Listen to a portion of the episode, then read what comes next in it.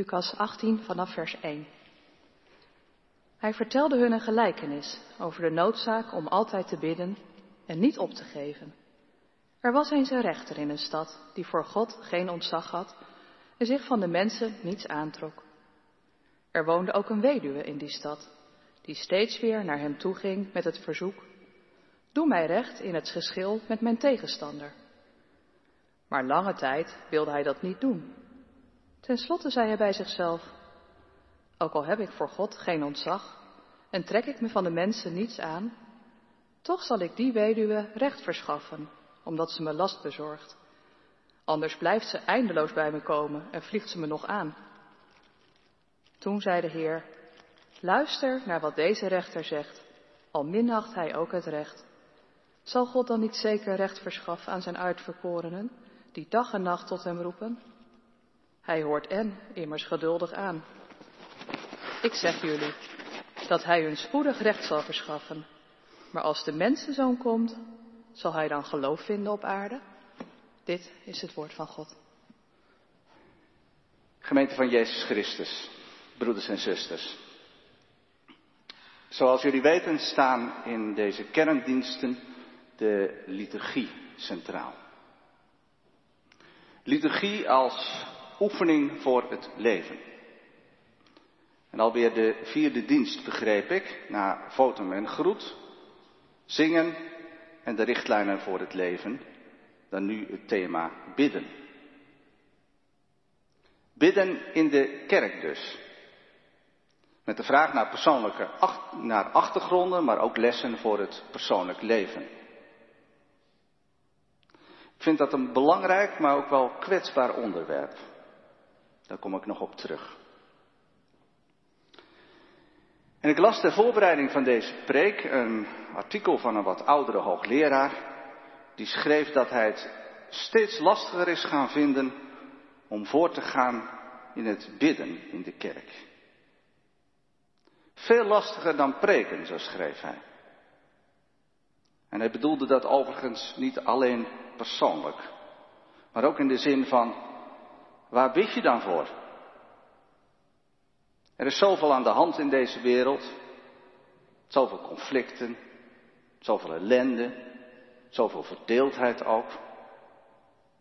Denk ook maar aan een onderwerp als corona en lockdown. Kun je daar überhaupt iets over zeggen in je gebed? Zoek je dan naar een gemene deler? Het is tenslotte het gebed van de gemeente. En herkennen mensen zich dan wel? Voelen mensen zich opgenomen in dat gebed? Wat doe je eigenlijk als je bidt? En wat doe je eigenlijk als je bidt in de liturgie? Ja, allerlei vragen dus bij dit thema.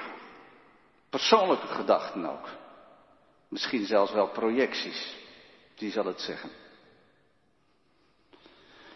En daarom wil ik me in deze verdiepende dienst vooral richten op wat Jezus ons leerde over bidden. Wat leefde Hij ons nu voor? En ik moet me daar natuurlijk sterk in beperken in deze ook korte dienst.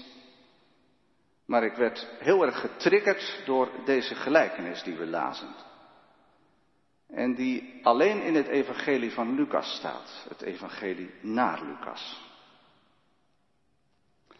En Lucas, die zoals hij aan het begin van zijn evangelie zegt, zich baseert op het bestaande materiaal en het allemaal nog eens netjes op een rijtje heeft gezet, goed heeft onderzocht, hij vertelt juist dit verhaal wel. Dat zal dus wel geen toeval zijn. En na dit verhaal, dus het bestuderen van het verhaal samen, wil ik de lijnen doortrekken, kort doortrekken naar ons liturgisch bezig zijn. Dus eerst het gedeelte wat we met elkaar hebben gelezen uit Lucas 18. Wat leert Jezus ons nu over bidden? Vooral daar. Jezus vertelt deze gelijkenis volgens Lucas om de noodzaak van altijd te bidden en niet op te houden aan ons duidelijk te maken. Zo schrijft Lucas dat. Altijd bidden en niet ophouden. Waarom eigenlijk? Heeft God dat dan nodig? Dat altijd bidden en niet ophouden om ons te kunnen verhoren? Altijd bidden en niet ophouden. Als ik zoiets lees, voel ik me altijd gelijk tekortschieten. Ik weet niet hoe u dat vergaat. Laten we in ieder geval proberen te begrijpen wat Jezus hier zegt. Een onrechtvaardige rechter wordt hier ons als voorbeeld gesteld. Door Jezus notabene. Een corrupte man die zijn ambt niet serieus neemt, die moet ons nu juist iets leren over zo'n kwetsbaar onderwerp als bidden. Dat is toch tamelijk bizar. Luister naar wat deze rechter zegt, houdt Jezus zijn leerlingen voor. Een rechter die geen ontzag had, geen ontzag voor God en niets om de mensen geeft. En dat blijkt ook, want hij negeert een totaal van zijn oordeel afhankelijke vrouw. Ronduit schandalig. Ze heeft een oordeel van hem nodig, maar hij weigert dat.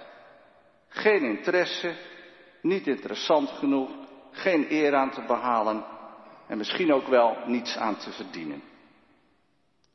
Maar die arme vrouw, die blijft volhouden.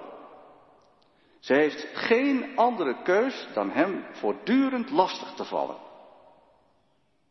En dat wordt die rechter te gortig. Hij raakt het helemaal zat. En alleen daarom, omdat hij het zat is, voor zijn eigen comfort dus, doet hij haar tenslotte recht. Om er vanaf te zijn. Fascinerend. Jezus plaatst God, zijn hemelse vader, in de positie van zo'n onrechtvaardige, corrupte man.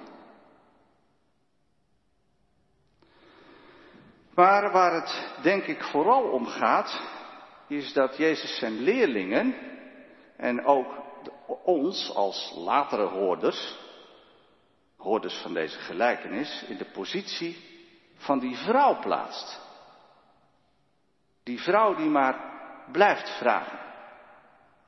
Die maar terug blijft komen met die cruciale vraag. Doe mij recht. Alsjeblieft, doe mij recht. Wat kunnen we daar nu over leren? Over het bidden tot God. Nou, allereerst dus dat bidden niet zozeer is een kwestie van handen vouwen, ogen dicht.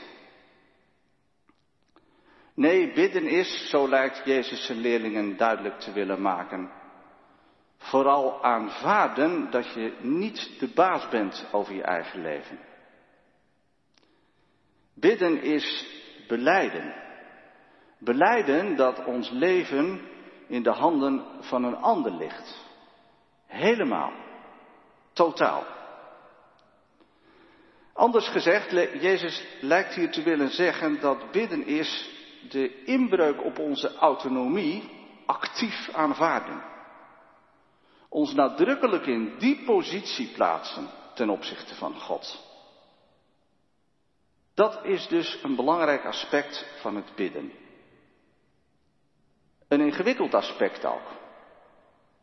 In essentie ook niet echt aangenaam voor ons als mensen van onze tijd. Het is eigenlijk zoiets als aan een slagen vragen om vegetariër te worden. Ons leven is immers gericht op autonoom zijn. Baas zijn over ons eigen leven, onafhankelijk ook. Als we ergens toe gestimuleerd worden, is wel het heft in eigen handen te nemen. Maar Jezus die drukt ons nadrukkelijk in een spagaat. Die door ons zo gewenste autonomie, waarin ook ik me, als ik eerlijk gezegd, als een vis in het water voel, staat op gespannen voet met het leven dat Jezus ons voorleefde. Het christelijk leven dus. Niet zozeer dus de gelijkenis van de onrechtvaardige rechter, maar de gelijkenis van het heft uit handen leren geven. Er is iemand anders die ons de wet stelt. Die ander is kritisch, krites, rechter over mij en jouw leven. Dat wil zeggen, die ander, daarvan ben ik puur afhankelijk. En die mij in mijn afhankelijkheid in kritische liefde aanvaardt. Want aan het einde van die gelijkenis, aan het einde van die op het eerste gezicht absurde gelijkenis, staat God opeens tegenover die rechter. Tegenover die onrechtvaardige rechter. De rollen zijn omgedraaid aan het einde. Luister naar wat deze onrechtvaardige rechter zegt, zo sluit Jezus af. Realiseer je dat God zo anders is dan deze corrupte man en dus zeker recht zal verschaffen aan hen die dag en nacht tot hem roepen. Bidden is dus het aanvaarden dat je je bestaan alleen kunt verstaan in relatie met God. In relatie met God die te vertrouwen is. Het gaat om zijn recht, zijn koninkrijk. Zijn koninkrijk, dat wordt opgericht onder ons mensen. En ja, daar zijn we, wij mensen, goed mee. Bidden is dus in de eerste plaats je plaats weten, kennen en bewust innemen. Het gebed dus als oervorm van gehoorzaamheid en geloof dus. Heel klassiek gezegd, zoals de Heidelbergse catechisme dat bijvoorbeeld doet in zondag 45, het gebed als het belangrijkste deel van de dankbaarheid naar God. Dat de kern van ons leven niet op onszelf gericht is, maar op God en zijn koninkrijk.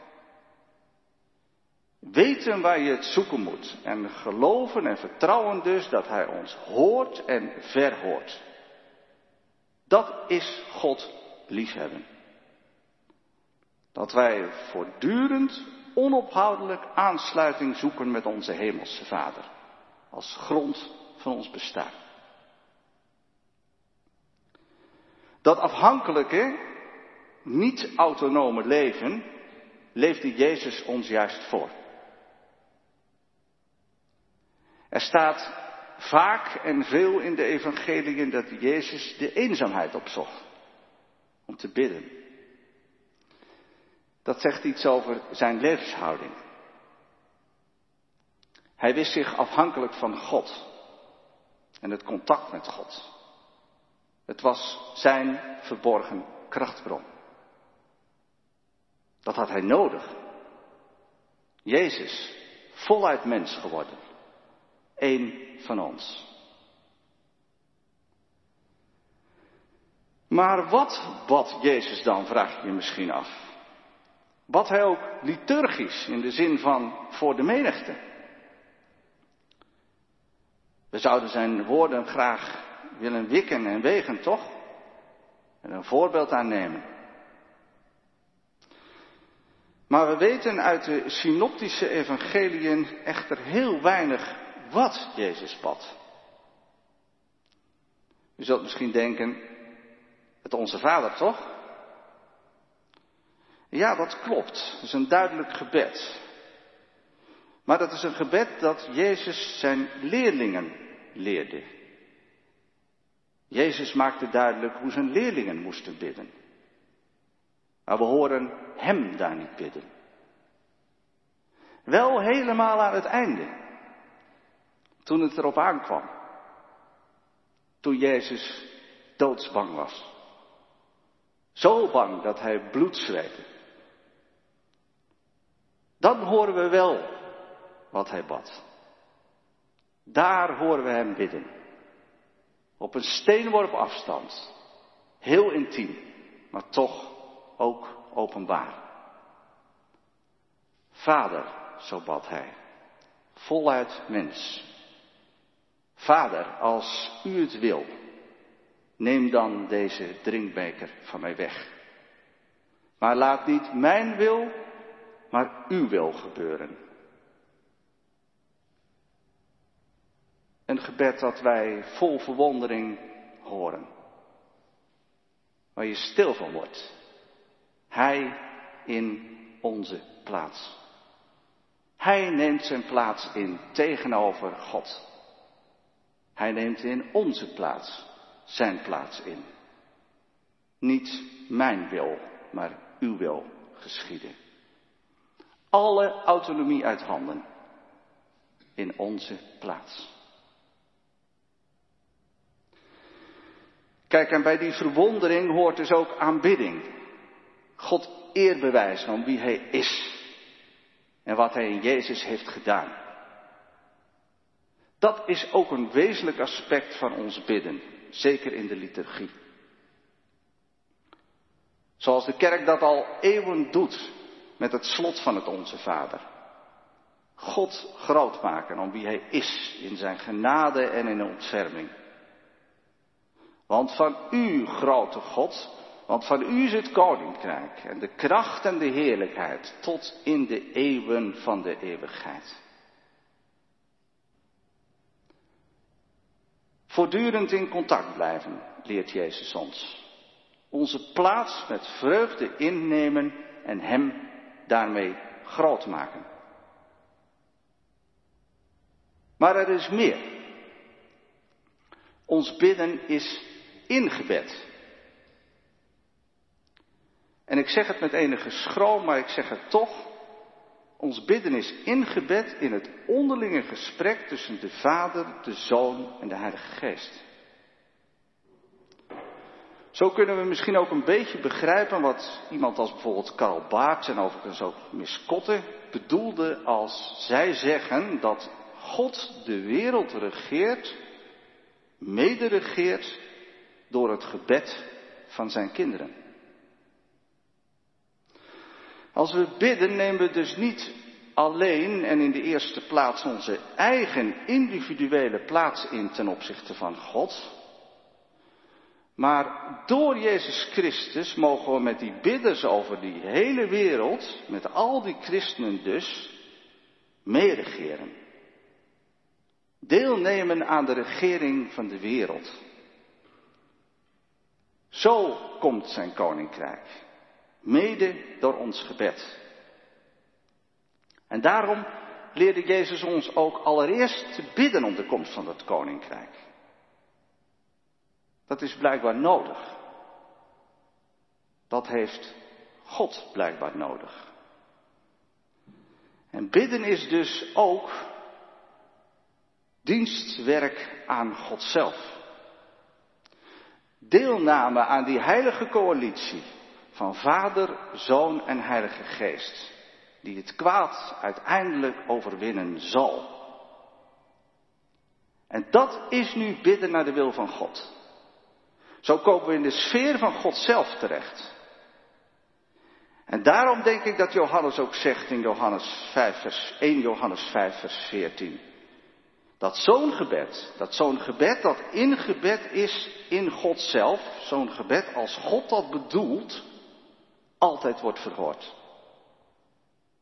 Anders bidden dan met God en Jezus zelf meebidden, is kwalijk bidden. En zal God niet verhoren. Samengevat, Jezus leerde ons dat het gebed een voor ons noodzakelijke, vertrouwelijke omgang met God is. Onze plaats innemen, onze plaats weten en innemen. Vanuit geloof, vanuit vertrouwen. God zelf benaderen. God aanbidden. God prijzen om wie Hij is maar ook meeregeren met God zelf, zodat zijn koninkrijk kan komen. Relationeel dienstwerk, ingebed in God zelf. En die elementen brengen we ook liturgisch in de praktijk. En die lijn wil ik tenslotte nog kort uitwerken, voortbouwend op wat ik al gezegd heb. Bidden dus als onderdeel van de liturgie. Wie naar de kerk gaat, doet dat onder andere om te bidden. Toch? De kerk wordt niet voor niets ook gebedshuis genoemd. Maar ook in de liturgie, het bidden in de kerk dus, staat het bidden niet op zichzelf. Het is ook daar ingebed. Het is als het ware ademen. Samen ademen. Samen ademen van God uit naar Hem toe. Het gebed, ook het liturgische gebed, leeft dus van de inspiratie van God zelf. Iemand als Calvijn zegt het zo. God heeft de geest van zijn zoon uitgestort in ons hart, die roept Abba, Vader. En wij, wij bidden door Jezus Christus als door zijn mond. En in onze diensten zijn we gewend om te beginnen met fotum en groet.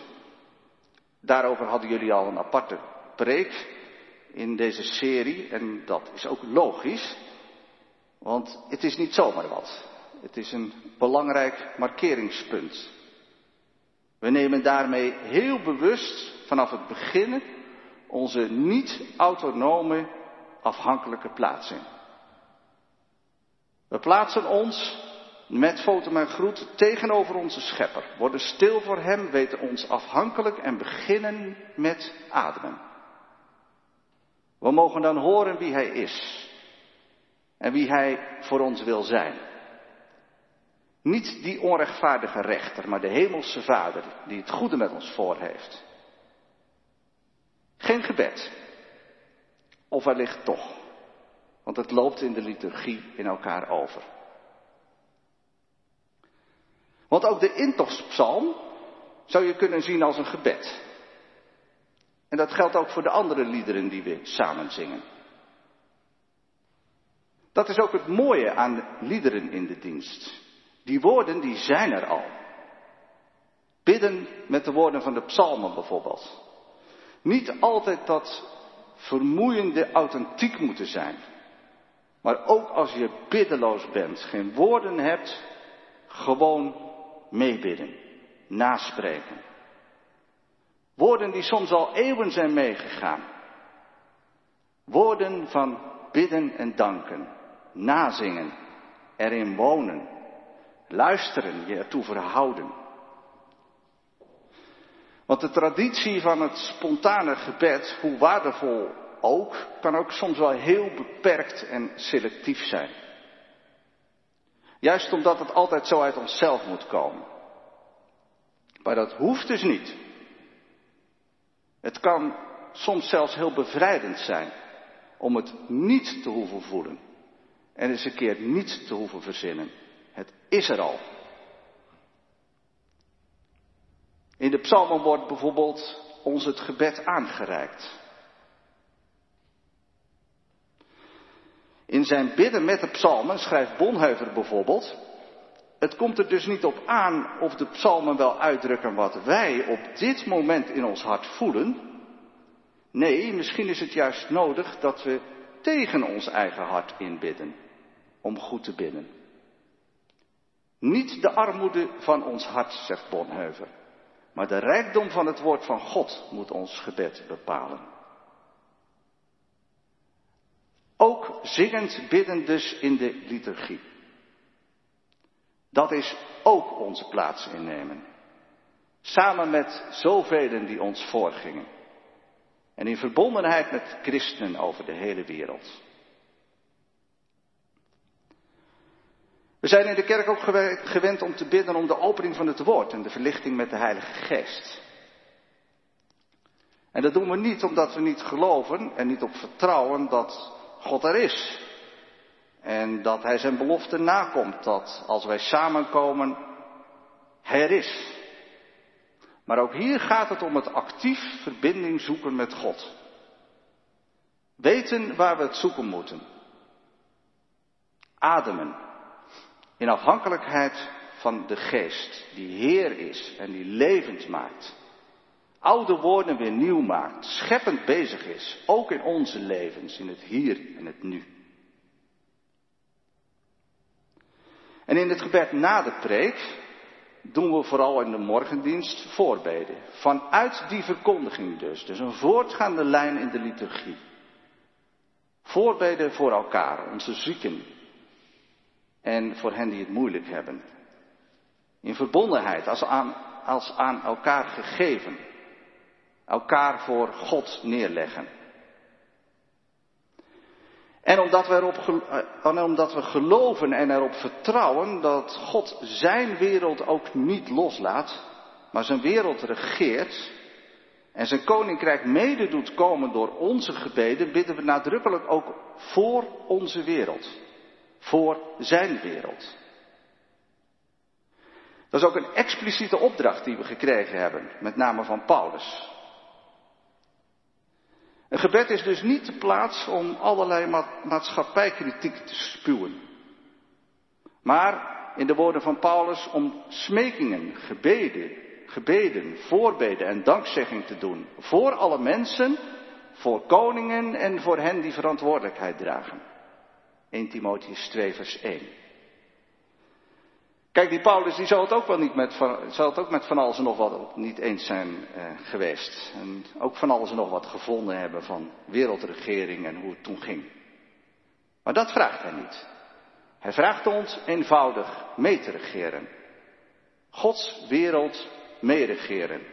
In dienstbaarheid aan God. Samen bidden met de stem van diegene die op dat moment voorgaat in de liturgie.